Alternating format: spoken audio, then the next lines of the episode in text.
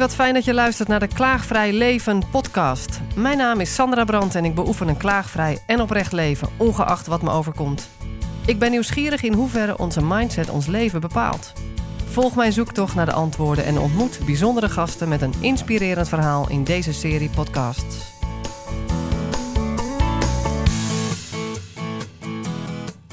Mijn naam is eh, Jacqueline Hospers. Ik heb een boek geschreven, Liefdevol leiding geven. En ik vind het superleuk om nu hier bij jou te zijn, eh, Sandra. Het was voor mij ook weer lang geleden dat ik in de auto zat.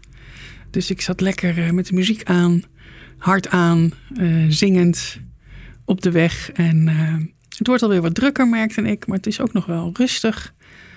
Dus ik zat echt lekker even Genoten in mijn eigen autorit. In mijn eigen autoritje. Het leuk dat je zegt, het is lang geleden dat ik in de auto zat. En je wordt helemaal blij als je dan vertelt dat je in de auto zat. Nou, het moment is, dat komt omdat ik even gewoon lekker helemaal alleen zit. Aha. We zijn nu toch veel thuis. Ja. Uh, alle kinderen zijn uh, wel weer naar school en studeren, maar mm. we zijn toch thuis. Een man is thuis, ik ben thuis. Dus we zijn veel ook met elkaar. Thuiswerkend. Thuiswerkend. In elkaar dus, zone. Uh, in elkaar zone. Dus dan vind ik het heerlijk om even zo... even de oogkleppen een beetje wijder... ja. Ja, of juist niet. in ieder geval in mijn uppie. Je eigen bubbel. Ja, ja. ja. En dan weet dat ik hier naartoe ga. En dan ook, want jij had gezegd, ik bereid het niet voor. Ik denk, oh, dat ga ik ook lekker niet doen. Ja, wat, wat dus doet dat, dat met je? Want dat gedaan. is vrij nieuw, geloof ik. Voor, ik hoor dat vaak gasten zeggen vooraf van... Goh, wat bijzonder dat ik eigenlijk niks hoef voor te bereiden. En dat jij ook niks voorbereidt. Dat doet toch ook iets? Ja, ik vind dat heerlijk. Ja. Ik vind dat echt heerlijk. Omdat ik um, op het moment dat je het heel erg voorbereidt heb je het risico dat je in dat verhaal blijft hangen. Ja. En dat je uit contact gaat met dat wat er op dit moment aan het ontstaan is. En dan zijn we eigenlijk helemaal niet aan gesprek. Maar dan ben ik een verhaal aan het afratelen. Ja. Waarvan jij misschien ook denkt, ja, lekker belangrijk, maar daar wil ik het eigenlijk helemaal niet over hebben. Of dat nou ja, is niet of wat ik spannend dan, genoeg. Of wat ik dan zou doen is afwachten tot er een stilte is, zodat ik mijn volgende vraag die ik heb voorbereid kan stellen. Ja, dus dat zo hebben we toch weer een balans. Ja, maar, maar dat doen dan- we dus niet aan. Nee, nee, nee, precies, precies. Dus ik vind dat wel. eh, Dus jij zegt openstaan voor wat er kan ontstaan in het gesprek en het contact behouden. Dat is voor jou waarschijnlijk ook belangrijk. dat is heel belangrijk. Dat is heel belangrijk. Ja. Want? Ehm, omdat je nooit weet hoe het gaat. Hmm. Dus de drang naar controle en zekerheid is heel menselijk. Maar je weet nooit hoe het gaat. Nee. Dus laat het maar lekker ontstaan. En vertrouw ook maar op dat je een verhaal hebt. Dat je wat te vertellen hebt. Dat er iets komt. En welk bruggetje kun je maken naar dat wat jou in het dagelijks leven bezighoudt hiervan? Want het gaat hier om het Ja. echte contact en om in het hier en nu contact te hebben. Nou, wel- misschien... Kijk, het bruggetje is denk ik... Misschien wel dat wij thuis met z'n zessen zijn. Mhm. We hebben vier kinderen. Ja, en vergeet het maar om ze alle vier eh, te controleren of eh, in een richting te duwen. Of dat gaat gewoon niet. Nee. Dus op een gegeven moment heb je één kind en die doet alles precies zoals jij het hebben wil. En dan komt er twee en die gaat ook nog een beetje mee. En toen kwam nummer drie en vier. En toen was het een soort van, eh, oké, eh, ja, weet je, laat maar gaan. Dus dan leer je wel het vertrouwen hebben dat het goed komt. En dat je met de stroom mee moet gaan. Maar ook met die kinderen. Dat je eigenlijk altijd te laat bent. Zij zijn altijd een stap verder in hun ontwikkeling dan jij doorhebt. Dus ja, je kan wel heel erg erachteraan. je loopt er toch een beetje achteraan te moederen en te zorgen. Ja. Want als je denkt, nou nu zijn ze voor en toe aan een soort van volgende stap, dan, Was dat toch iets anders? dan was dat toch iets anders, ja. Ik weet nog goed, we hadden een, eh, een klimrek in de tuin. En die stond één zo'n touw eh, klimrek stond tegen een, hing aan een boom. En de onderste trede was heel hoog. En dat deden we expres. Dan vroegen de kinderen, mama, mama, wil je me tillen? Want ik wil in, dat, eh, in die touwladder klimmen. Nee, als je er zelf in kunt, dan mag je erin. Dus we konden het laten gaan. Want pas als ze groot genoeg waren, konden ze er zelf in om die eerste stap te maken. Dus Oh, dat ja. zo Oh, ja. ja, begeleid je dat dan een beetje. Want anders dan zouden we en de hele tijd erachteraan lopen. En denk ja, maar je bent eigenlijk nog veel te jong om daarin te klimmen. Dus. Dat was per ongeluk ontstaan. Dat was een eh, goede een controle. Ja, die kon je achteraf. aardig ja, wel controleren. die- ja. Hey, en eh, sinds ik zelf een boek heb geschreven, merk ik dat ik steeds vaker auteurs aan de tafel krijg op de een of andere manier. Ik weet niet hoe dat werkt, maar ik vind eh ja, zo'n interessante rode lijn die ik zo zie ontstaan. En, en ja, het is iets wat je tot vorm brengt van, van dat wat jou ten diepste bezighoudt en wat er blijkbaar uit moet, zo'n boek. Ja. En dat, dat is bij jou helemaal, hè? want het gaat over liefdevol leiding geven. Dat komt niet zomaar ergens vandaan. Nee, dat komt niet zomaar ergens vandaan. En ik hou van schrijven. Ik moet mijn hoofd leegmaken af en toe. En dat doe ik met schrijven. Of ik heb nu bijvoorbeeld ontdekt dat ik dat vloggen en op Instagram van die verhaaltjes maken. Dat ik het eigenlijk super leuk vind. Oh ja. Ook heel eng, Oh ja. maar wel heel leuk. Dus het is voor mij een manier om mijn creativiteit ook te uiten. ja. En mijn hoofd leeg te maken, Mhm. zodat er weer iets nieuws in kan. Het volgende wat weer leeg moet. Ja, en dan is er weer iets nieuws wat er dan weer uit. eh, Ja, en dat is jouw moet. proces. Dat is jouw ja, manier eigenlijk van processen, van doorkouwen misschien. Ja, van doorkouwen. inzien. Ja, want het- zo'n boek schrijven is gewoon is, is een zelfontwikkeld traject. Dus, Ja, dus ja. Dat, ik bedoel, als je ooit een zelfontwikkeld traject denkt, nou, ik moet dus aan mezelf werken, ga een boek schrijven. dan komt het helemaal goed, want je gaat overal doorheen. Ja. En het schrijven zelf is voor mij echt een soort. Ja, weet, nee, weet je wat is, Sandra? Het is. Het schrijven zelf is voor mij de ultieme ook gift to, me, to myself. Ja. Van dat ik mezelf toesta om twee dagen achter elkaar, urenlang, niets anders te doen dan alleen maar te schrijven. Ja. Hoe gaaf is dat? ja, heel gaaf. Weet je? Dus ik hoef niks anders. Dus het is ook een cadeau. Ja, een cadeau zeker. om helemaal voor mezelf iets te doen. Het cadeau voor jezelf. Jezelf toestaan om je ergens terug te trekken voor twee dagen en urenlang te schrijven. Hoe gaaf is dat? Ja. En dan denk ik, wat doe ik met mijn tijd? Ja, fuck it, ik vind het gewoon leuk. Grappig hè, dat er toch nog steeds een soort algemene term is dat schrijven een lijdensweg is. Hè? Herken je dat? Het is absoluut een leidsweg, maar het is ook een genot. Ja, ik heb het dus- nooit ervaren als lijdensweg, maar het is meer omdat ik geloof omdat men dat zegt, dat je dan dat gelooft, zeg maar. Ja, het schrijven zelf is pure genot. Ja. Maar het mooi maken en het weer in structuur brengen, want ik schrijf dan zo en dan ga ik zo, hè? Ja, mensen zien het niet wat je doet nu, hè? maar dat even Nee, ga ik heel. ik word niet Je op, wijkt af. je. ik, dit is nu wel. Dit wordt nu wel opgenomen. Radio, dat Ja. wel. ja. Maar je, je, je begint eh, gefocust, maar je wijkt ook af naar zijpaden, zei je. Bedoel je? Ja, ik schrijf dus heel erg associatief. Dus dan schrijf ik iets en dan eindig Ja. ik met een zin. En denk, ik, oh ja, daar kan ik ook wel weer op doorgaan. Ja, ja. En dan weer tot de structuur brengen, zodat de lezer er ook nog wat aan heeft. Dat is de kunst. Precies. En daar heb ik ook gewoon hulp bij nodig. ja. dat is fijn. Dat ja, schrijven niet. is een vak. Ja, Ja. dus je, Dus je vond het vooral een genot en liefdevol leider. Leid, ja, hoe heet je, wat is je titel? liefdevol leiding geven. Ja, Ja. dat komt niet zomaar ergens vandaan. Vertel. Ehm, in mijn werk als eh, organisatieadviseur en later als trainer van leiderschapsprogramma's heb ik echt wel schrijnende dingen meegemaakt. Ook heel veel Hmm. leuke dingen, maar ook veel dat ik denk, jeetje, het zou verboden moeten zijn dat mensen ongelukkig zijn op hun werk. Hmm. Ehm, en toen dacht ik, ja, maar als je nou eens goed kijkt naar wie is daar nou uiteindelijk verantwoordelijk voor zijn eigen geluk, dat ben jij als medewerker zelf. Daar begint het bij. Maar ik heb ook ontdekt dat een leidinggevende vaak bewust of onbewust daar heel erg veel in kan doen. Hmm. En toen dacht ik, ja, het is eigenlijk ja, het is jammer dat ze niet altijd weten of zien hoe je op een andere manier misschien iemand kan motiveren of kan steunen of wat dan ook maar, om ehm, resultaat en succes te behalen Op een prettige manier. op een prettige manier die, ehm, die de mensheid weer terugbrengt. En we zijn zo gaan rationaliseren en eh, eh, resultaatgericht. Ja, maar ik ben wel resultaatgericht. Ja, natuurlijk ben ik ook, weet je.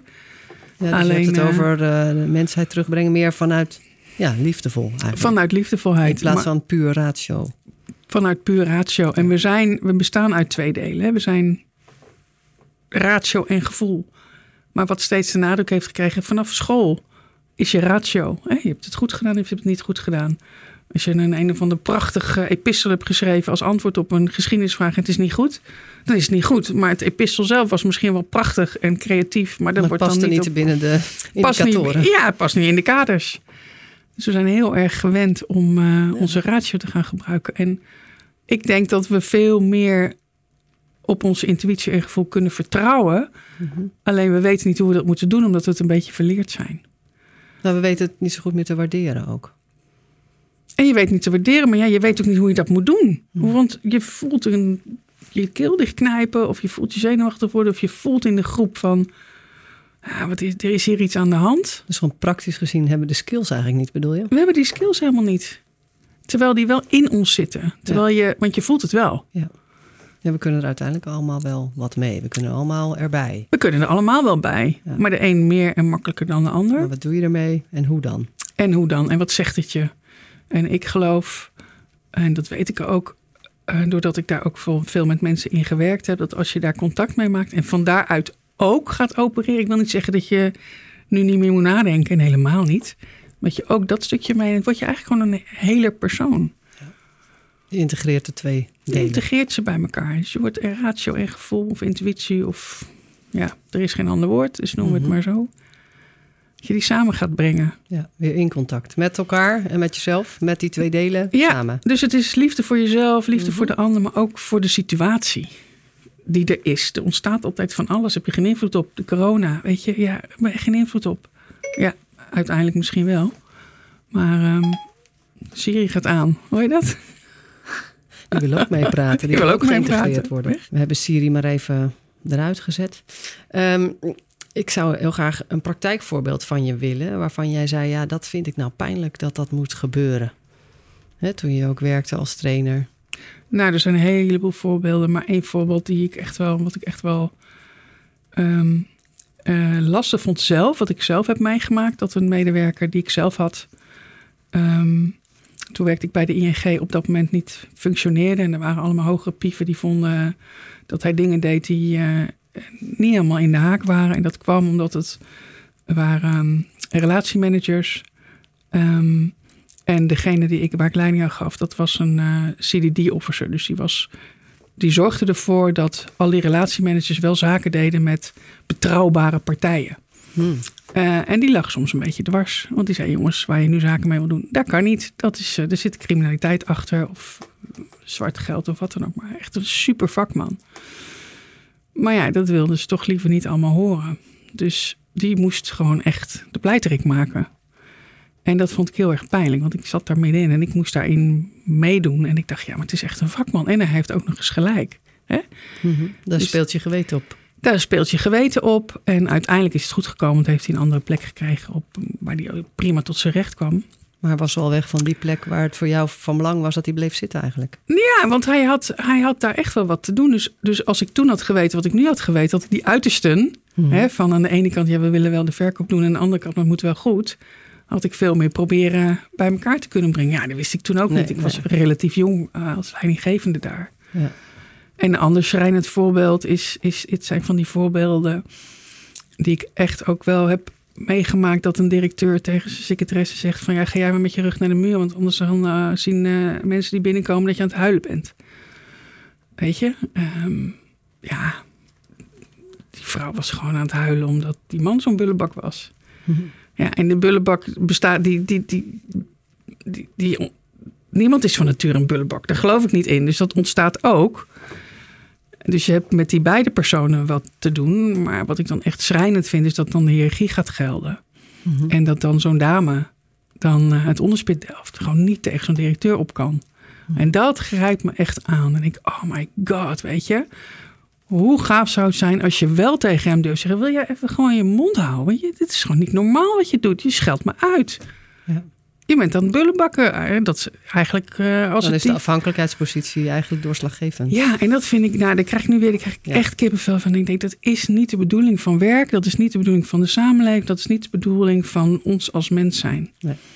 Dus dat is echt een, een, een soort, ja, diepe drijfveer, een basis, een, een, een, een, een beetje een woede of een onmacht Ja, ja. ook wel, hè, van... De, dezelfde, eh, Jan Bommeré zei vorig jaar, woede is dezelfde energie eigenlijk als passie. Daar Ja, kon ik wel veel mee. ja, ja, die ligt er echt onder dat je daar kippenvel van krijgt. Dat ik, Ja, het raakt jou en je wordt er boos van. En dat geeft energie om te bewegen. En jij beweegt in de richting van wat kan ik dan bijdragen? ja, precies. Zodat dit niet op deze manier hoeft. Of dat ik in ieder geval in enkele situaties verschil kan maken. Ja, ja, dus ik probeer met mijn eh, training en opleiding ook de leidinggevende dan mee te nemen. hey, het kan anders. Maar tegelijkertijd ben je ook welkom als niet-leidinggevende. Want leidinggeven, ja, we doen het allemaal. Hè? De hele dag door in ons dagelijks leven. Aan onszelf, aan anderen. Ja. Op een of andere manier doen we het allemaal. Er staat alleen Alleen iets anders in jouw functieomschrijving dan in de mijne. Maar uiteindelijk geven we ergens leiding aan. Ja, precies. Dus hoe kan je nou gewoon dan wel voor jezelf opkomen? Ja. En heb je wel eens een, eh, laten we zeggen, zo iemand die zich al als bullebak gedraagt aan tafel gehad, die ook open staat om daarin dan te voelen? Nou, dat is niet per se mensen die zich als bullebak gedragen. Dat zeker niet. Nee. Ehm, maar wat wel bijzonder is, ja, dat er dan soms, ja, dat je dan mensen hebt en eh je denkt, nou, zien er stoer uit, maar ik zie eigenlijk gewoon alleen maar een grote knuffelbeer. Mhm. Weet je, en als je dat dan zegt, dat ze dan in huilen uitbarsten. Ja. Omdat ze gezien worden op een stuk van zichzelf. Wat ze voelen dat ze ook zijn. Maar, Maar wat, wat ze door de ook- buitenwereld niet gezien wordt Ja. doorgaans. Dus we leven zoveel voor die externe buitenwereld. Mhm. En niet vanuit onze interne binnenwereld. En ik denk als je van daaruit veel meer kan leven en kan werken. Dat het gewoon succesvoller, meer voldoening, blijer, fijner wordt. Ik hoorde op de radio eh, deze week nog dat er eh, meer successen op werk worden geboekt als er vriendschappen zijn op het werk. Daar moet ik nu even aan denken, aan jouw uitspraak. Dat, je, dat we meer vanuit de binnenwereld moeten opereren. Eh, meer verbindend waarschijnlijk bedoel je. Ehm, waarbij eh, liefdevol contact eh, eh, bijna een normaal tweede natuur zou moeten zijn. Ook op de werkvloer. Ja, en vanuit ook, vanuit ook een acceptatie dat we echt allemaal verschillend zijn. Mhm. En dat we eigenlijk bestaan uit uitersten. En eh, juist het bij elkaar brengen van die verschillende uitersten van mensen, Dat daar de rijkdom juist zit. daar zit de rijkdom. En als je die bij elkaar weet te brengen, dus tot een synergie weet te krijgen, ja, dan ga je nieuwe dingen ontdekken. Mhm. Doe je dat ook in groepsverband dan? Ja, ja, Daar zit natuurlijk enorm veel dynamiek dan. En ja. is het veilig, spannend? Mensen die het helemaal niet meer gewend zijn, al jaren niet meer, om zich echt te laten zien Ja, in een groep. in een groep. Ja, Ja. Hoe werkt dat? ja dat, is, eh, dat is spannend. Mm. Ja, ehm, en tegelijkertijd weet ik ook dat je net zoveel laat zien, ook in de groep, als je wil laten zien. Dus je kunt het ook veilig maken dan voor iedereen. Mm. Hè, je, je doet wat je. Nou, en wat ik uit persoonlijke ervaring weet, is dat je het ook veilig kan maken door zelf wel te beginnen met je te openen. In plaats van te wachten tot het veilig is om jezelf te openen. Dat is altijd een beetje een aparte beredenatie. Maar Nou ja, dat is, de, dat is het paradoxale. dat is de kunst. Om daarvan. daar even overheen te stappen. Niet te wachten tot het veilig wordt, maar toch wel iets alvast te gaan delen. Oh, eh, Ja, ja. ja, ja, het is leuk dat je dat zegt, want het hele paradoxale gedachtegoed is ook een basis onder liefdevol leiding geven. In de zin van ehm, die, twee, die twee uitersten van, van nou ja, loslaten en vasthouden of, of veiligheid en je openstellen. Mhm. Ja, waar, waar begin je? En als jij alsmaar de boel dicht houdt en nooit die andere kant durft te zien of gaat zien of gaat uitproberen door je eens een keer open te stellen, Ja. kun je ze ook niet bij elkaar brengen. Dus blijf je eigenlijk een eenzijdig manier van handelen. Ja, ik moet eh, denken aan je doen. presentatie waar ik bij was. Daar had je het over en een voorbeeldpersoon, of waarschijnlijk iemand die je werkelijk in het werk hebt meegemaakt, een leidinggevende, die, die het zelf eigenlijk ook niet meer weet en die door de crisis denkt, nou dan moet het maar zo. En dat eigenlijk eh, geforceerd even doordrukt door de organisatie, daar heel ongelukkig en doodmoe van thuis komt.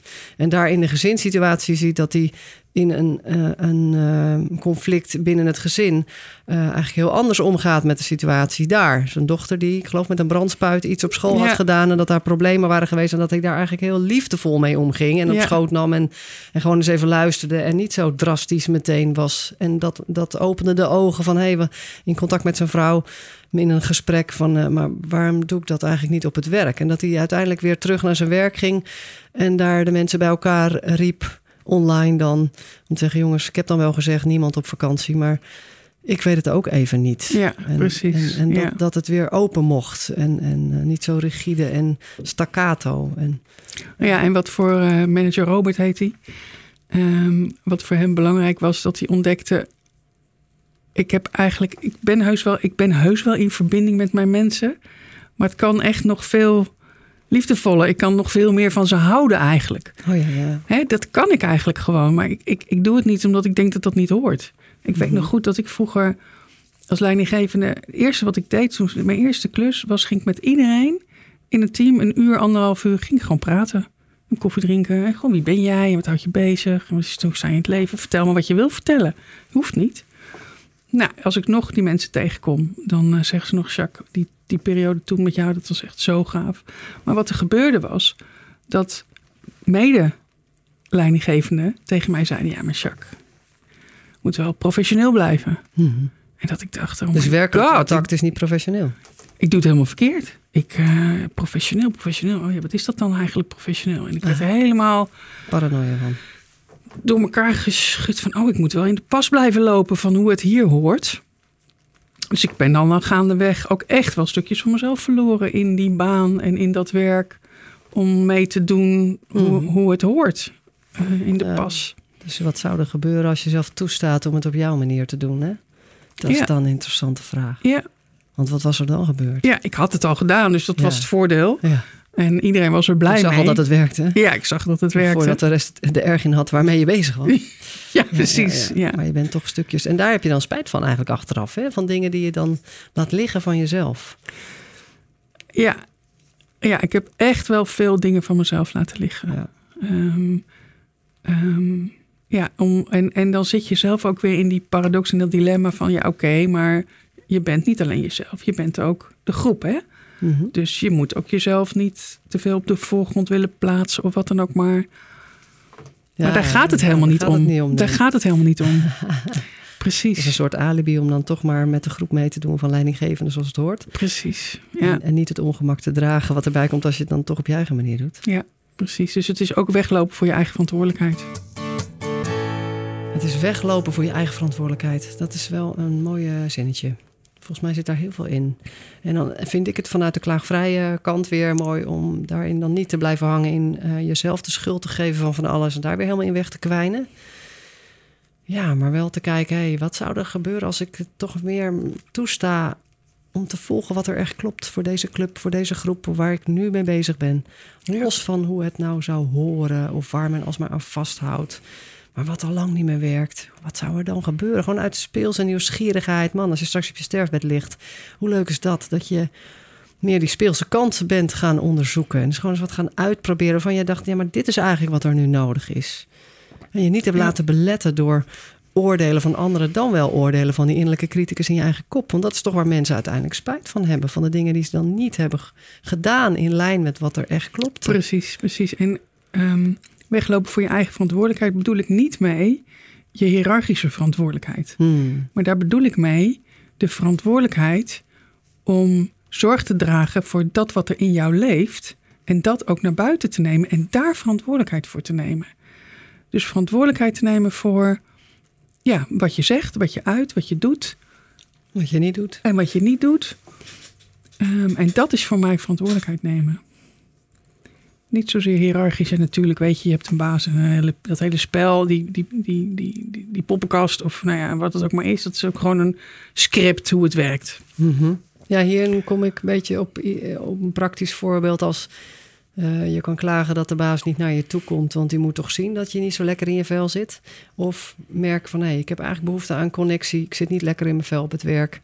Ja, dan zal ik toch die beweging moeten maken, want dat leeft in mij. Precies. Ja, en dat is je verantwoordelijkheid nemen. Ja, maar dan, dan moet je ook Ja. kunnen geloven dat mensen in bereid zijn om een steun te zijn voor je of om een luisterend oor. En als daarin een fundamenteel eh, ongeloof zit, dan is dat wel een puntje. Het kan een ongeloof zijn en het kan ook letterlijk een ervaring zijn dat als je aanklopt dat het ook geen gehoor vindt. Dus daar ga je wel van op slot. Ja. Dus dat, dat zie je ook heel veel, dat mensen echt op slot gaan. Mensen echt ook tegen me hebben gezegd, nee Jacques, dat doe ik nooit meer. Ik ga nooit meer tegen mijn baas feedback geven, iets wat negatiefs. Echt nooit meer, want dat kost mij mijn baan. Ja, dat vind ik echt heel erg. Ja. Dat vind Ja, ik echt ja. heel erg, ja. Hey, eh, even de inhoud van je boek. Kan je daar iets over vertellen? Staan er wat tips, adviezen? Ja, een van de een tip die ehm, ik zelf ook voor mezelf heel erg mooi vind. Want zo schrijf je een boek, hè, dan kom je ook eh, dingen die, je- die jou zelf weer helpen. Is dat ehm, eh, het comfortabel blijven in het ongemak. Hmm. Want ik denk dat dat de uitdaging is voor de komende tijd. Dat we zien nu wat er gebeurt met corona. Het is allemaal onzeker. Mega oncomfortabel aan alle kanten. Voor sommigen ook wel comfortabel. Want het is ook wel lekker in je eentje misschien. Hè? Weet je thuis. Maar over het algemeen ervaren we het toch als oncomfortabel. En tegelijkertijd gaat het niet veel comfortabeler worden. Dus dit is het. En hoe fijn zou het dan zijn dat je daar gewoon oké mee bent. Ja. En dat je dus alles wat er op je afkomt waar je geen invloed op hebt, denkt, nou oké, dat is zo. En dit is wat ik eraan kan doen. Eh, dit is hoe ik erin kan staan. En ik ben er oké mee. En het komt goed. En ik vertrouw vanuit mijn diepste wezen dat het goed komt. En dat ik hier goed mee kan delen en dat ik hiermee om kan gaan. Dat is de Dus, kern eigenlijk. Dat is ehm, het eerste wat je noemt, hè? Van- Ja, dat vertrouwen in. En dat, dat is daarmee, dat, daar zit ook weer dat paradoxale in. Dus de zekerheid zoeken in de onzekerheid. Want één ding weten we, nou ja, goed, daar ga ik heel veel vertellen over dat je allemaal ooit een keer doodgaat. Dat is het enige wat je weet. Dus ja, eh, ga er nou maar van genieten. En ga eh, vanuit jezelf de toegevoegde waarde zoeken wat Ja. je wil gaan doen. Dat is wel echt een hele, eh, hele belangrijke. Maar ook voor jezelf. We zijn zo geneigd om datgene wat al kan shinen, om dat te laten zien. Ja. En die schaduwkanten of dat wat er niet mag zijn, om dat niet te laten zien. Mhm. Maar het is een oordeel die we erop leggen dat als ik egoïstisch ben of zo of iets, dat dat niet goed is. Mhm. Dat is gewoon iets wat we met elkaar verzonnen hebben. Slaat nergens op. Het is echt niet waar.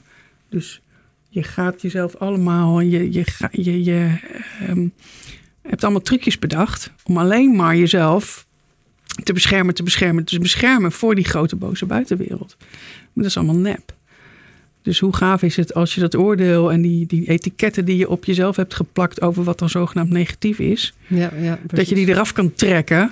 En zeg je, ja, nee, ja. Ik besta uit twee kanten. Ik besta echt, ik ben een vat vol tegenstellingen. Ik weet bijvoorbeeld nooit of ik me nou in een bepaalde situatie op moet maken. Echt heel praktisch of niet. Weet je, en ik, ja, wat ik nou doen? Nou, een beetje make-up erop. Ja, dat ziet er wel mooi uit, maar dat is niet natuurlijk. Weet je wel, echt. Daar kan je dan helemaal in verzanden. Ehm, zal ik nou mijn hakken aandoen? Of zal ik mijn gimpen aandoen? Ja, het zijn van die kleine eh, die, die tegenstellingen in zich verweren. Van aan de ene kant wil ik graag een professionele, zakelijke vrouw zijn. Aan de andere kant wil ik ook natuurlijk overkomen. Ja. En daar zit je de hele dag zit je daarmee te stoeien tussen dat soort uitersten. En ik heb ontdekt dat het gewoon heerlijk is om die gewoon daar vol in te kunnen leven. En ze te, toe te staan voor jezelf dat je dat allebei bent. Ja. En dat je gewoon af en toe eens kan kiezen en af en toe eens niet. En dat het eigenlijk allemaal niet zo heel veel uitmaakt. Ja, dat ik ook in, op het thuisfront ook het ben gaan accepteren dan. Dat ik ook wel eens even een uurtje voor mezelf wil regelen. En dan nou, gaan de kinderen allemaal ergens spelen. En dan eh, even, dan, ja, je zou denken, hoezo niet, weet je wel? Maar daar zit dan blijkbaar een oordeel op. daar zit een oordeel op. Ja. En eh, dan, Want dan ben je. En dan gaat, komt er een woord. ja, Egoïstisch of geen goede moeder of Ja. whatever. terwijl ik een keileuke moeder word ervan als ik het doe, weet je wel? Maar dan moet ik dat eerst even voorbij lopen, ja. Ja, En zo zitten we daar vol mee, hè? ja, zit er helemaal vol mee. En dat bepaalt elke keer onze Ons dagen. gedrag. Ja, wat Ja. ik de laatste tijd veel aan het oefenen ben, is om niet te, mijn gedrag af te stemmen op ongemak. Maar te wachten tot er weer die ontspanning komt. En dan pas weer mijn gedrag erop te hebben. Voorheen. Hè, dus dus eh, een ongemak kan ontstaan omdat je denkt: ja, dat, dat ben ik toch niet waard. Of dat moet ik toch niet doen. Of wie ben jij nou helemaal? En dan ging ik me daarop eh, gedragen. Dus dan eh, hè, krampachtig, me klein houden, toch maar niet uitspreken. Ja, dat wil ik dus niet meer. Dus nou is inderdaad het ongemak doorstaan.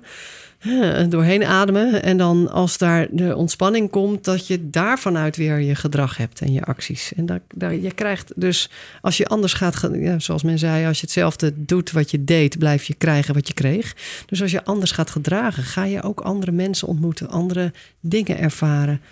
Dat is wel echt heel concreet voor mij. Ja, ja. En het is. ehm, ja, wat je dan eigenlijk doet, is je mindset ook veranderen. Door te zeggen: hey, interessant. Ongemak. Ja, Ja, weet je zo. eh, Oh, daar heb je het. Oh, Oh, ja, nu heb oh ik ja. de neiging om er van af te keren. Oh ja, Oh ja. nou, ging ik even Precies. doen. Adem door. ja, en in plaats van dan te zeggen dat is irritant, Nee, precies. ga je zeggen: oh, dat is interessant. Ja, precies. Nee, dus van irritant naar Ja, interessant. anders ga je weer klagen over het ongemak. Zo blijven we aan de gang. Ja, en dan ben je niet klaagvrij. Dus dat, eh, dat willen we, daar willen we niet zijn. Ja, dus hier hebben we wel een match. Hè? Dat uh, ongemak doorstaan, klaagvrij. Ja, die is mooi. Daarin doorademen en niet meteen je gedrag op af te stemmen. Uh, wil je nog iets noemen uit je boek wat zeker uh, de moeite waard is? Nou, wat ook de moeite waard is, is um, het stille midden. Liefde voor leidinggeven bestaat uit vier principes. De uiterste, het stille midden, de aantrekking van die uiterste en in de spanning blijven staan. Nou, daar heb ik net iets over verteld. Maar dat stille midden is ook wel heel erg belangrijk. Want dat is de plek van waaruit je, ja, volledig oordeelloos, daar geloof ik niet in. Nee, maar wel, dat is gewoon, dat is raar, want je loopt de hele dag te oordelen. Maar wel mm-hmm. dat je beseft dat je daarmee bezig bent van, oh ja, goed of fout bestaat niet. Mm-hmm. Het bestaat echt niet. Het is een construct.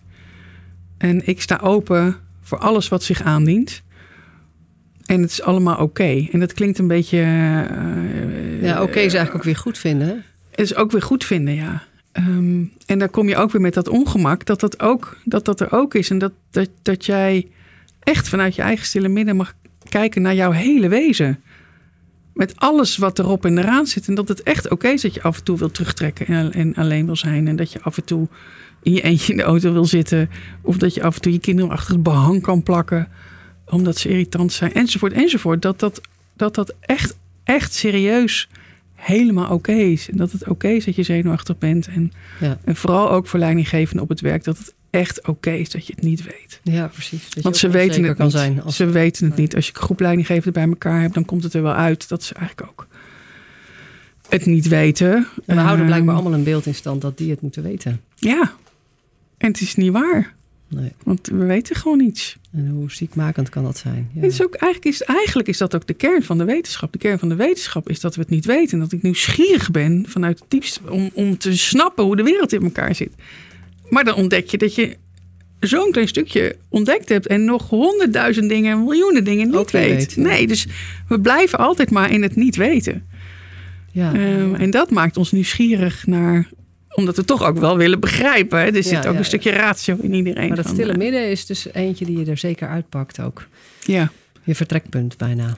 Ja, het is een fijn vertrekpunt. Het is een, een, een rustpunt. Het is een, een, een zenpunt of een meditatiepunt. Mhm. Of iets van waaruit je weer kunt vertrekken. Dat je stil kunt zijn helemaal van binnen. En oké dus kan zijn met de uiterste. Erbij kan blijven bij het ongemak. Ja. Ja, ik word er helemaal stil van. Ja. ja, ik volg je helemaal. Het is uh, zo grappig dat het uh, zoveel raakvlakken heeft met wat ik onderzocht heb en tegen ben gekomen. Ja. En wat ik ook meer om me heen hoor. Het is ook de tijd ervoor, denk ik. Ja, dat schreef ook een recensent. Die schreef ook, die staat ook bovenaan van uh, liefdeverleiding geven, past in de tijdgeest. Hmm. Dus het is echt, het is tijd voor dit soort dingen. Ik denk ook dat het woord, je ziet ook het woord liefde veel meer terugkomen. Het is misschien wel de opvolger van geluk. Nee, de geluk in organisaties. En dat nu ook het woord liefde in organisaties gebruikt mag worden. Ja. Het zijn al een aantal symposia over geweest. Wat kleine boekjes hier en daar verschenen. En mijn boek dan nu Zo over liefde voor leidinggeven. het woord naar binnen. Het langzamerhand zijpelt het woord naar binnen in de zin van ja, uh, waarom eigenlijk niet? Nee, precies. En hoezo liefdevol doe je maar thuis? Nee, uh, dan krijg je weer die gespleten persoonlijkheid. En dat is wat ik ermee wil zeggen. Je bent een heel mens. Je gaat niet door de draaideur van de organisatie en laat een deel van jezelf achter. Ja, ik deed dat jaren. Ja. En misschien doe ik stiekem nog wel eens af en toe. Echt wel. Ik wil niet zeggen dat ik dat nooit meer doe. Maar je laat zoveel van jezelf achter. Zoveel je, moois eigenlijk. Ja. Zoveel moois. Je neemt een soort professionele houding aan. Tu, tu, tu. Ik was er vroeger mijn mantel, pak je hakjes. En kijk mij nou, hè. Dus eigenlijk hoort liefdevol werken het nieuwe professioneel. Dat, wordt, dat zou mooi zijn. Laten dat, we dat, dat we dat. Dat zou mooi zijn. Ja, het Ja. nieuwe professioneel. Ja. Als iemand dan een beetje als een bullebak rondloopt, dat je zegt: hé, hey, doe eens even professioneel. Doe eens even professioneel. Ja, dat zou... oh ja. Oh ja. Huk, als Huk. het dan weer kan. die Dankjewel. Jacqueline, voor Ja. je bijdrage. Ja. ja, graag gedaan. Leuk gesprek. Fijn om hier te zijn met jou.